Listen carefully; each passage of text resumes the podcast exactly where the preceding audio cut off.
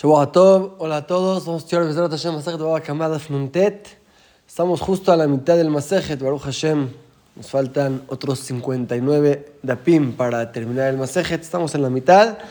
Y en el daf de hoy vamos a seguir aprendiendo sobre una vaca, un animal que entró al campo el compañero y comió cosecha, comió frutas, cómo se calcula el pago. Como ya vimos en el daf de ayer, no se le cobra el precio completo como se pagan estas frutas en el mercado, porque ese no es el precio real. El mercado siempre se vende más caro. ¿Cómo se, se calcula? ¿Cómo se evalúa? Ayer estudiamos una discusión entre los Tanaim, entre el Reshgaluta y Rav Nachman. El caso que la Gemara trajo fue de una persona que, que cortó una palmera del compañero. Entonces fue con el Reshgaluta, el presidente de los Yehudim en Babel, y él, le dijo que debe de pagar el precio completo de la palmera. Este hombre no le gustó el dictamen del Rey Galuta, fue con Rav Nachman. Y Rav Nachman le dio la razón, dijo, no, no se paga el precio de una palmera en el mercado, no es lo que cuesta en realidad.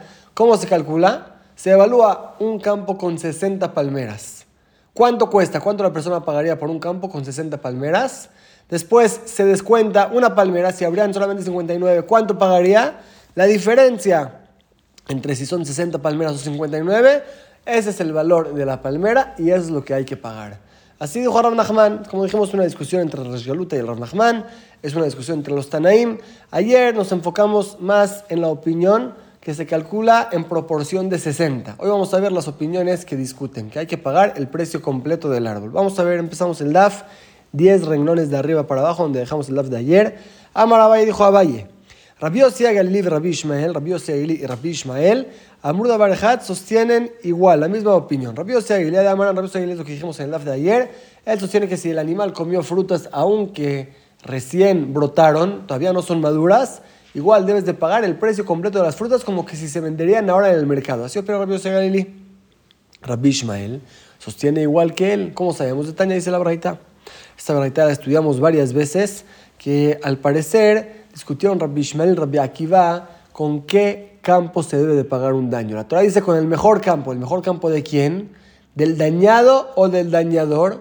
Ya estudiamos esa discusión, es lo que dice la Braita. Metab Sadeu Metab Karmo de Shalem, lo que dice la Torah que hay que pagar con el mejor campo y el mejor viñedo. Metab Sadeu Shenizdak, Metab Karmo Shenizdak de Rabbi Ishmael, Rabbi Ishmael, se paga con el mejor campo del dañado y el mejor viñedo del dañado. Rabbi Akiva, Rabbi Akiva dice no. Si la Torah habla del quien paga, entonces debe de hablar del mejor campo del dañador que va a pagar. Lo va tú, lo que se refiere al pasuk es el alikbot que el dañador debe de pagar el daño con su mejor campo. Con más razón si dañó algo del Betamigdash que se paga con su mejor campo. En Sarabia aquí lo entendimos. La Torah habla del dañador, que debe de pagar el daño con su mejor campo. ¿Qué significa lo que dice Rabbi Ishmael? Hay que pagar con el mejor campo del dañado si el dañado no paga. La Gemara hace varios dapim ya explicó la opinión de Rabbi Ishmael, pero ahora la Gemara quiere ofrecer otra explicación. Dice la Gemara, lo tema que Rabbi de Barabín, no vamos a explicar como lo que dijo Rabbi de Barabín, Rabbi de Barabín, él dijo que Estamos hablando que el animal entró al campo del compañero, comió un plantillo, no sabemos cuál, no sabemos si eran frutas buenas o eran frutas de peor calidad, ya no sabemos qué comió. Entró, comió, vemos que está vacío un lugar en el campo y no sabemos qué frutas eran. De Amar, Rabada Baraba dijo que le decimos a este dañador, Kum Shlim Di Paga las mejores frutas que habrían en el campo Puede ser que esas son las frutas que se comió y debes de pagar de eso. De ágil amrián, eso no decimos. Maitama, ¿cuál es el motivo? A motivo de baraya, como ya dijimos, hay una regla, el que le cobra al compañero debe de traer la prueba. ¿Me quieres cobrar? Trae prueba que mi animal comió las frutas buenas, no me puedes cobrar por duda. Entonces, así no decimos. Entonces, ¿qué es lo que dice Rabbi Ishmael? Se paga con el mejor campo del dañado, el abemeitav del camé, que se calcula, aunque ahora el animal comió frutas chiquitas, se calcula cuánto llegarían esas frutas a costar cuando estaban maduras, cuando llegarían a ser maduras, cuánto costarían. Umay niu, según eso se paga kiaj de sali, cómo va a quedar, cómo quedaría, es lo que paga aunque el animal las comió ahorita se paga ese precio, el precio completo, así opina Rabbi Ishmael. Entonces, según esta explicación Rabbi Ishmael, que a eso se refiere diciendo, se paga con el mejor campo del dañado, o sea, que aunque las frutas ahora están chiquitas, se paga como si estuvieran bien grandes, según esto Rabbi Ishmael Rabbi Osageli opinan lo mismo. Seguimos con esta opinión. La Gemara va a preguntar una contradicción al parecer en lo que Amar Mor dijo el Jajam Rabbi Shimon ben Yehuda, Omer Mishum Rabbi Shimon, Rabbi Shimon ben Yehuda dice Rabbi Shimon.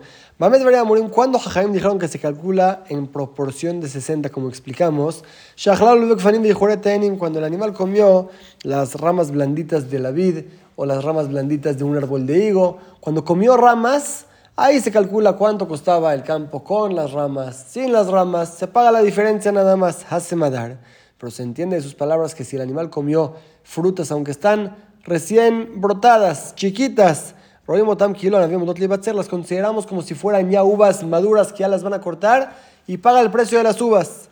Por un lado, así se entiende el principio de la braita, Emma Seifa.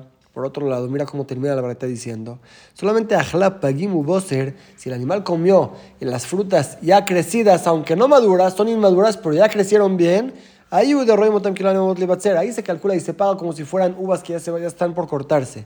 Hace madar, pero si son uvas recién brotadas, se calcula en proporción de 60 cuánto costaba el campo con y cuánto costaba sin. Entonces, ¿cuál es el din? Cuando comió ramas, claramente dice que se calcula en proporción de 60. Cuando comió frutas ya crecidas, aunque están inmaduras, se calcula como que ya, ya están maduras. Pero ¿cuál es el din si comió uvas chiquititas que recién brotaron? ¿Cómo se calcula? Ama Rabina contestó Rabina, hay que meter todo en la misma frase de la Braita y decir así. Mamed Murim, cuando dijeron Jajamim que se paga en proporción de 60, Bisman cuando comió las ramas de la vid o del árbol de higo, Abalachlas Madar Pagino Boser, pero si comió las uvas, aunque son recién brotadas y con más razón, si ya crecieron y son más grandecitas, aunque todavía no maduraron, se considera ya como uvas completas y se paga el precio completo de las frutas. Así explica la Gemara la opinión de Rabshon Ben Yehuda. Pregunta la Gemara Yaji si es así. Rabshon Ben Yehuda y no Rabbi Yoshua. Rabshon Ben Rabbi Yoshua en la Braita opinan lo mismo. Los dos dicen un animal que entró al campo del compañero y comió uvas chiquitas, paga como si fueran uvas grandes, completas. Entonces, ¿cuál es la diferencia entre ellos? ¿En qué discuten? Contesta la Gemara y La diferencia entre ellos es Kahash Gufta. Si es que se descuenta del pago lo que se debilitaría la vid. Quiere decir, ahora las uvas están chiquitas. Si las dejamos dos, tres meses más, van a crecer, van a madurar, van a estar bien, van a subir de precio. Pero por otro lado, van a chupar de la vid mucha humedad. La vid se va a debilitar. Va a bajar el precio del árbol mismo. Las uvas suben de precio, pero por otro lado, la vid misma baja de precio. Le dice el dañador al dueño del campo, es cierto, te voy a pagar como si fueran las uvas completas, pero descuéntame lo que el árbol bajaría de precio si es que las uvas quedarían dos, tres meses más sobre él. Sí subirían de precio las uvas, es lo que te voy a pagar, pero descuéntame lo que bajaría, lo que se debilitaría el árbol. Dice la Gemara Velome y no tenemos claro quién opina que es. Rabbi Yoshua es el que sostiene que se descuenta del pago la debilidad del árbol, o Rabbi Shimon es el que sostiene eso. Discutieron en eso y no sabemos quién opina cada cosa. Va a llamar para vaya y dice, me saibe un me claro que sabemos quién opina cada cosa, porque mantana de le cajas ¿sabes quién es el taná? la opinión que descuenta la debilidad del árbol, Rabshua Menyuda es la opinión de Rabshua Menyuda. ¿Cómo se? De Taña hay otra verdad que de ahí podemos aprender qué opina Rabshua Menyuda. Rabbi Shimon Menyuda, Omer Mishon Rabshua Menasia, él dice, no, Rabbi Menasia, es un violador debe de pagar muchas cosas. Debe de pagar el daño, la multa que la Torah le puso, varias cosas. Pero según esta opinión de Rabshon Ben Yehuda, no me No le paga el sufrimiento por romper su virginidad. ¿Por qué? Porque de por sí cuando se va a casar esta jovencita, va a sufrir, le van a romper la virginidad a su esposo y va a sufrir el mismo sufrimiento. Él solamente le adelantó el sufrimiento, así opina Rabshon Asia. A los Jajaim le dijeron, eh, no, se parece nada el sufrimiento de una mujer que está con su esposo por primera vez por su voluntad o una mujer que la violaron. Sufre mucho más una mujer que la violaron que una mujer que lo hace por su voluntad, aunque es el mismo dolor, pero por la conciencia que aquí es su esposo y aquí es un violador, cambia el sufrimiento. Claro que debe de pagarle. De todos modos, vemos que la opinión de la opción Ben es que aunque el violador paga, pero se descuenta algo que de por sí va a pasar. Aquí también vas a tener lo mismo, aunque debes de pagar las uvas, pero se descuenta la debilidad del árbol. Amara Valle siga Valle diciendo lo mismo. Anetanay, Rabshon Ben Yehuda, los siguientes Tanaim que vamos a mencionar ahora. Y Rabshon Ben Yehuda, Barejad, opinan lo mismo. Rabshon Ben de Amara, ya dijimos que el violador, aunque debe de pagar, le descontamos el sufrimiento. Y aquí en el caso de las uvas, descontamos la debilidad del árbol. Anetanay, Maihi, ¿quién son los Tanaim que opinan igual, de, igual que el de Tania? Dice la Braita, cuando ya estudiamos una persona que le pega a una mujer embarazada y pierde su, sus bebés aborta por este golpe, debe de pagarle al esposo la pérdida de los bebés. Pero Rabio si Rabio si dice, najeja ya, le descuenta el esposo lo que costaría la partera. Le dice este dañador al esposo de, la mujer embarazada, le dice, mira, si tu esposa le daría a luz, deberías de pagar una partera, deberías de pagar el hospital. Entonces yo te pago los bebés, pero me descuentas todo lo que te ahorraste de que ya no se va a aliviar tu esposa. Y Benazai y dice, Najemes se le descuenta lo que cuando una mujer da a luz debe de comer más, hay que darle más comida para que tenga leche para el bebé, para que se sienta bien, está débil. Eso también le dice el dañador al esposo, mira, esto te lo ahorraste, si tu esposo se aliviaría, deberías gastar toda esta comida. Ahora que abortó, te ahorraste la comida, te pago el daño, pero me descuentas la comida. Entonces dice Valle, estos Tanaim y Rabshon Ben Yehuda opinan igual, que aún en caso de daño se descuenta lo que se ahorró el dañado por el golpe que recibió. Y la Gemara sigue explicando, manda a Jaya, Según lo sí que se descuenta la partera, con más razón que se descuenta la comida, como dijo Benazai. Manda a de pero según Benazai que se descuenta la comida extra, a Jaya lo, pero descontar la partera, el esposo no lo debe de descontar. ¿Por qué? De amarle, porque le puede decir al dañador, y te tadidi, mi esposa Pequejai es experta en aliviárselo. Mi vaya ya no necesita partera. Mi esposa se alivia sola en la casa, no hubiera pagado a una partera, entonces no te lo voy a descontar. Me pagas el daño completo. Discutieron en este punto si se descuenta la partera o no, pero en general sostienen todos esos tanaim igual, que también en caso de un daño se descuenta todo lo que se ahorró el dañado por recibir el daño.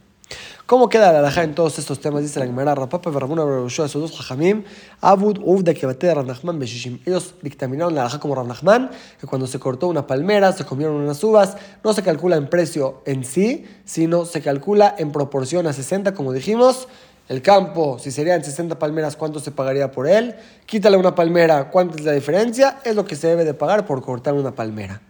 Lishnacher, en otra versión, dice también igual, pero otra versión, que Rapapá Jajamim, Shamudik Lagav Katina de Ara. Eh. Calcularon la palmera que cortaron calculando todo el terreno, como explicamos, en proporción de 60, dice la Gemara Virgen que batea papa verrabuna de armal, la queda como esos jamim, en una palmera normal que cortaron, que si no se paga el precio en sí, porque el precio del, mercado es más caro del precio real, si no se calcula en proporción a 60, pero Virgen que bate de Resgaluta, la parsa. La alajá sí queda como el Resgaluta, que dijimos que él obligó a este hombre a pagar el precio real de la palmera, si es una palmera persa, Rashi explica que era una palmera muy cara, que eso sí se evalúa por sí solo. Entonces, una palmera normal en proporción a 60, y una palmera muy importante, muy valiosa, ahí sí se paga el precio de la palmera en sí como está. La Gemara trae una historia interesante, también con el Reshgaluta, como dijimos, era el presidente de los Yehudim en Babel, y sus esclavos estaban encargados de cuidar el orden entre los Yehudim. Entonces había un jajam que se llamaba Eliezer Zeira Eliezer el chiquito, le llamaban así porque era muy humilde. Así se llamaba el jajam, Abasai Mesan Neuchme, tenía puestos zapatos negros, no era lo normal en su tiempo ponerse zapatos negros. De cada Beshuka de Nardea estaba parado en el mercado de Nardea. Ashkehu de ver Galuta, lo encontraron los esclavos del Galuta. A Amor le dijeron, Maishnare Mesane, ¿por qué te pones estos zapatos? Amarlo les dijo de Kameavilna Yerushalayim, es como una señal de luto porque estoy triste por Yerushalayim que se destruyó. A le dijeron los esclavos, no lo conocían, que era un jajam grande, le dijeron, At Hashivat Tabula Yerushalayim, ¿tú quién eres para, para así demostrar que estás triste por Yerushalayim? Saburio Araba, pensaron que es un presumido que está demostrando yo. Pues, soy uno que le interesa de Yerushalayim, estoy de luto por Yerushalayim, que está presumiendo. A Tua lo metieron a la cárcel. Amarlo les dijo, Gabra Rabbana, ¿cómo me meten a la cárcel? Yo soy también jajam grande. Amru le dijeron los esclavos, Menayadinan, ¿cómo podemos saber que eres jajam? Amarlo les dijo, o a tumba o minay milta, o a minay milta, o ustedes pregúntenme una alhaja y les contesto, o yo les pregunto algo a ver si ustedes saben. Amor le dijeron, vaya a ver, pregúntanos una alhaja. Amarlo les dijo, Ayman de Kufra, una persona que cortó una palmera, que los dátiles todavía están bien chiquitos, todavía no están grandes. May Meshalem, ¿cuánto paga? Amor le dijeron, Meshalem me Kufra, debe de pagar dátiles chiquitos, que no, no cuesta casi nada. Les dijo, vea Butamre, ¿pero por qué? Si los dejarías así, crecerían, serían dátiles grandes, buenos, maduros, que pague el costo de los dátiles. A le dijeron, sí, tienes razón, me shalem metambre.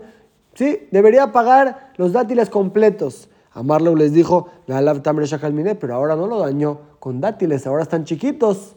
Entonces los estaba llevando de aquí para acá, de aquí para acá. Amul le dijeron, la verdad no sabemos, a ver ahí Malanat, dinos tú cómo se calcula el daño. Amarlo les dijo, Beshishim en proporciones, 60 como estudiamos de Alaja.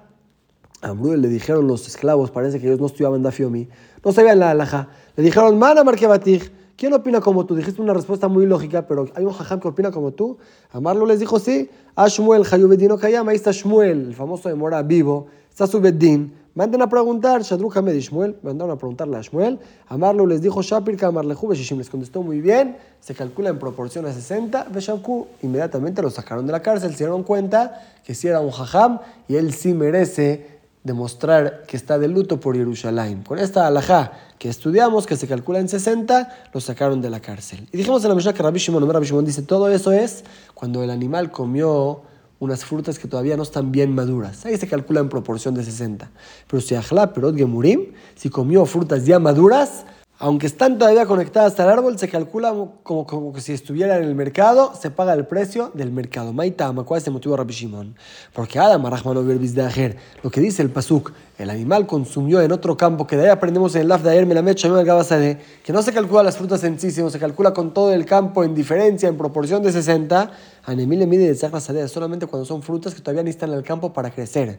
Pero Ane, cuando son frutas ya maduras, que van de los la sade, ya que no necesitan el campo para crecer más, ya se pueden cortar, Benayuba de Shalume, se pagan completas. Amar Buna Barjia, Marabino y Baraba, dijo este jajam, Dan Rav que Rabbi Meir, Upasaki el que Rabbi Shimon. Una vez Rav juzgó el juicio como Rabbi Meir, vamos a ver ahora a qué se refiere, y dictaminó la alhaja como Rabbi Shimon. Dan Rav que Rabbi Meir, ¿en qué ocasión Rav juzgó como Rabbi Meir? Tanya la verdad dice cuál es el din cuando hay un esposo que tiene un campo que está subyugado a la que tú de su esposa, que en caso que la divorcie, su esposa se cobra de ese campo.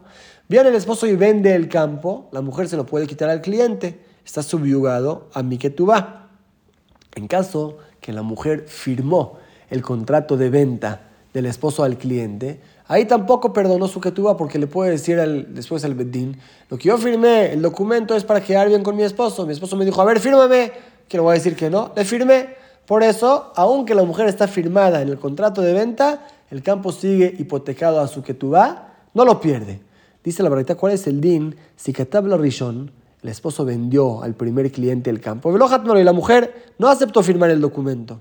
La Sheni, entonces el esposo lo vendió a otro cliente, Hatmalo, ahí la mujer sí aceptó firmar.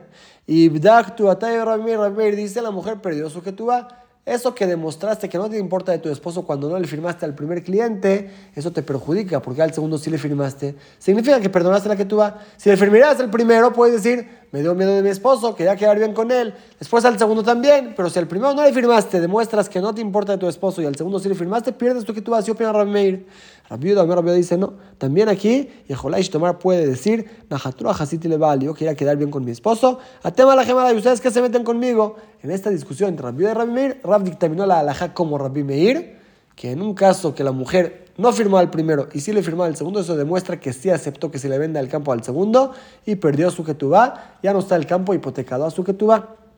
Pasa que el que Rabbi Shimon. ¿Y en qué tema dictaminó la alhaja como Rabbi Shimon? Que adetnan como la alhaja es en nuestra Mishnah, que Rabbi Shimon, Rabbi Shimon dijo, Ajla perot murim, si el animal comió frutas ya maduras, Beshalemet perot murim paga las frutas así como están, completas, según la cantidad que comió, paga el precio del mercado. Entonces la alhaja queda como Rabbi Shimon, todo lo que hablamos hasta hoy era cuando son frutas inmaduras, porque son frutas maduras que ya se pueden cortar, ya no necesitan del campo, ahí se paga el precio como en el mercado. Última alajá de este tema, dice la Mishnah, Amagdish betoch sadeja verosh lo birshut, una persona que metió sus frutas al campo del compañero sin permiso. Veajaltan beemtosh el el animal, el del dueño del campo, se las comió. Patura está exento el dueño del animal, porque ¿quién te dio permiso de meter tus frutas a mi campo? buscaba y en caso que el animal se resbaló con las frutas, se dañó. Va a la Gadish Hayab, el dueño del montículo que metió sus frutas sin permiso, debe de responder el daño. Pero en caso que le dieron permiso de meter las frutas al campo, ahí va la Sade Hayab, el dueño del campo que dio permiso, él es el responsable, si su animal comió las frutas debe de pagarlas, y si se, dañó su animal, está exento el dueño de las frutas porque me diste permiso de meterlas a tu campo. Deduce la Gemara la Matnan de lo que Rebi, digamos que nuestra Mishnah no va como la opinión de Rebi, de que Rebi, según Rebi, a Amar él sostiene, no alcanza con que te dé permiso de meter tus frutas a mi campo hasta que yo reciba la responsabilidad. Eso que te dije, puedes meter tus frutas a mi campo, significa mételas, te doy permiso, pero tú cuídalas. Yo no soy responsable de si pasa algo. De esta Mishnah se entiende que con puro dar permiso ya alcanza para que sea responsable, no va como Rebi. Amar Rapapá dijo Rapapá, no. Aja Benatar Bedar esquina. Aquí estamos hablando que es el cuidador de los graneros. ¿De qué van de amarle a Gudosh cuando un cuidador te dice, mete tus frutas sin problema? A el ventar la se refiere, mételas, te las voy a cuidar. Si el dueño del campo le dijo al dueño de las frutas, mételas, ahí sí, como Rebi, mételas y cuídalas tú. Si es el cuidador del campo que te dice, mete las frutas, significa mételas, te las voy a cuidar. Por eso en ese caso se hace responsable, aún sin recibir la responsabilidad. Claramente también es responsable de los daños de las frutas. Dejamos aquí el DAF de hoy. Nos seguimos mañana y vamos a repasar lo que estudiamos. Estudiamos en el DAF cómo se calcula cuando un animal come las frutas del campo del compañero. Como dijimos, si son frutas inmaduras, aunque sean chiquitas, no se paga el precio completo de las frutas, porque el precio del mercado no es el precio real, sino se calcula 60 veces más. Sería un campo con 60 veces de lo que comió el animal. ¿Cuánto costaría? Con lo que comió, ¿cuánto costaría? Sin lo que comió, esa diferencia es lo que se paga. Si a Jaime dijeron para calcular de forma pareja, que no sea ni muy caro ni muy barato, así se calcula y se paga justo el precio de eso, es lo que equivale al precio del daño. Vimos que hay Jaime que discuten, que sostienen que aunque el animal comió frutas chiquititas, también se debe de pagar las frutas completas, pero la alhaja quedó que se calcula siempre en proporción de 60, a menos que sea una palmera, un árbol muy especial, que ahí se paga el precio en sí. De paso estudiamos que hay Jaime que opinan que también en casos de daño, se descuenta del pago el ahorro del dañado. Vimos tres casos. El caso de unas uvas que se comieron, que la vida ahora ya es más fuerte porque no se debilitó hay quien lo descuenta del pago. El caso del violador, que aunque sufrió la mujer, pero ya que de por sí va a sufrir con su esposo, entonces se descuenta ese pago. Y el caso de uno que provocó un aborto, que hay quien opina que se descuenta la partera, se descuenta la comida que se ahorró el esposo. La alhaja no es así, sino hay que pagar el daño completo. Todo eso es si eran frutas inmaduras, pero si son frutas que ya maduraron, aunque están conectadas al árbol, Dijo Rabbi Shimon y la alhaja es como él, que se paga el precio del mercado, que se podía cortar, se podía vender, debes de pagar el precio completo de estas frutas. Al final del DAF estudiamos cuál es el día uno que mete las frutas al casa compañero sin permiso. Dijimos, si lo metiste sin permiso, tú eres responsable. Si las frutas dañaron, pagas el daño. Si alguien te comió las frutas, va a estar exento. En caso que te dieron permiso de meter, depende de quién te dio el permiso. Si es el cuidador del lugar que te dio permiso, significa que él es responsable de todo. Cualquier cosa que pase, él responde. Si es que el dueño de la casa o del patio te dejó meter tus frutas, ahí mételas, pero tú te quedas siendo responsable de las frutas. Tú respondes por cualquier daño de estas frutas. Es lo que estamos en el live de hoy.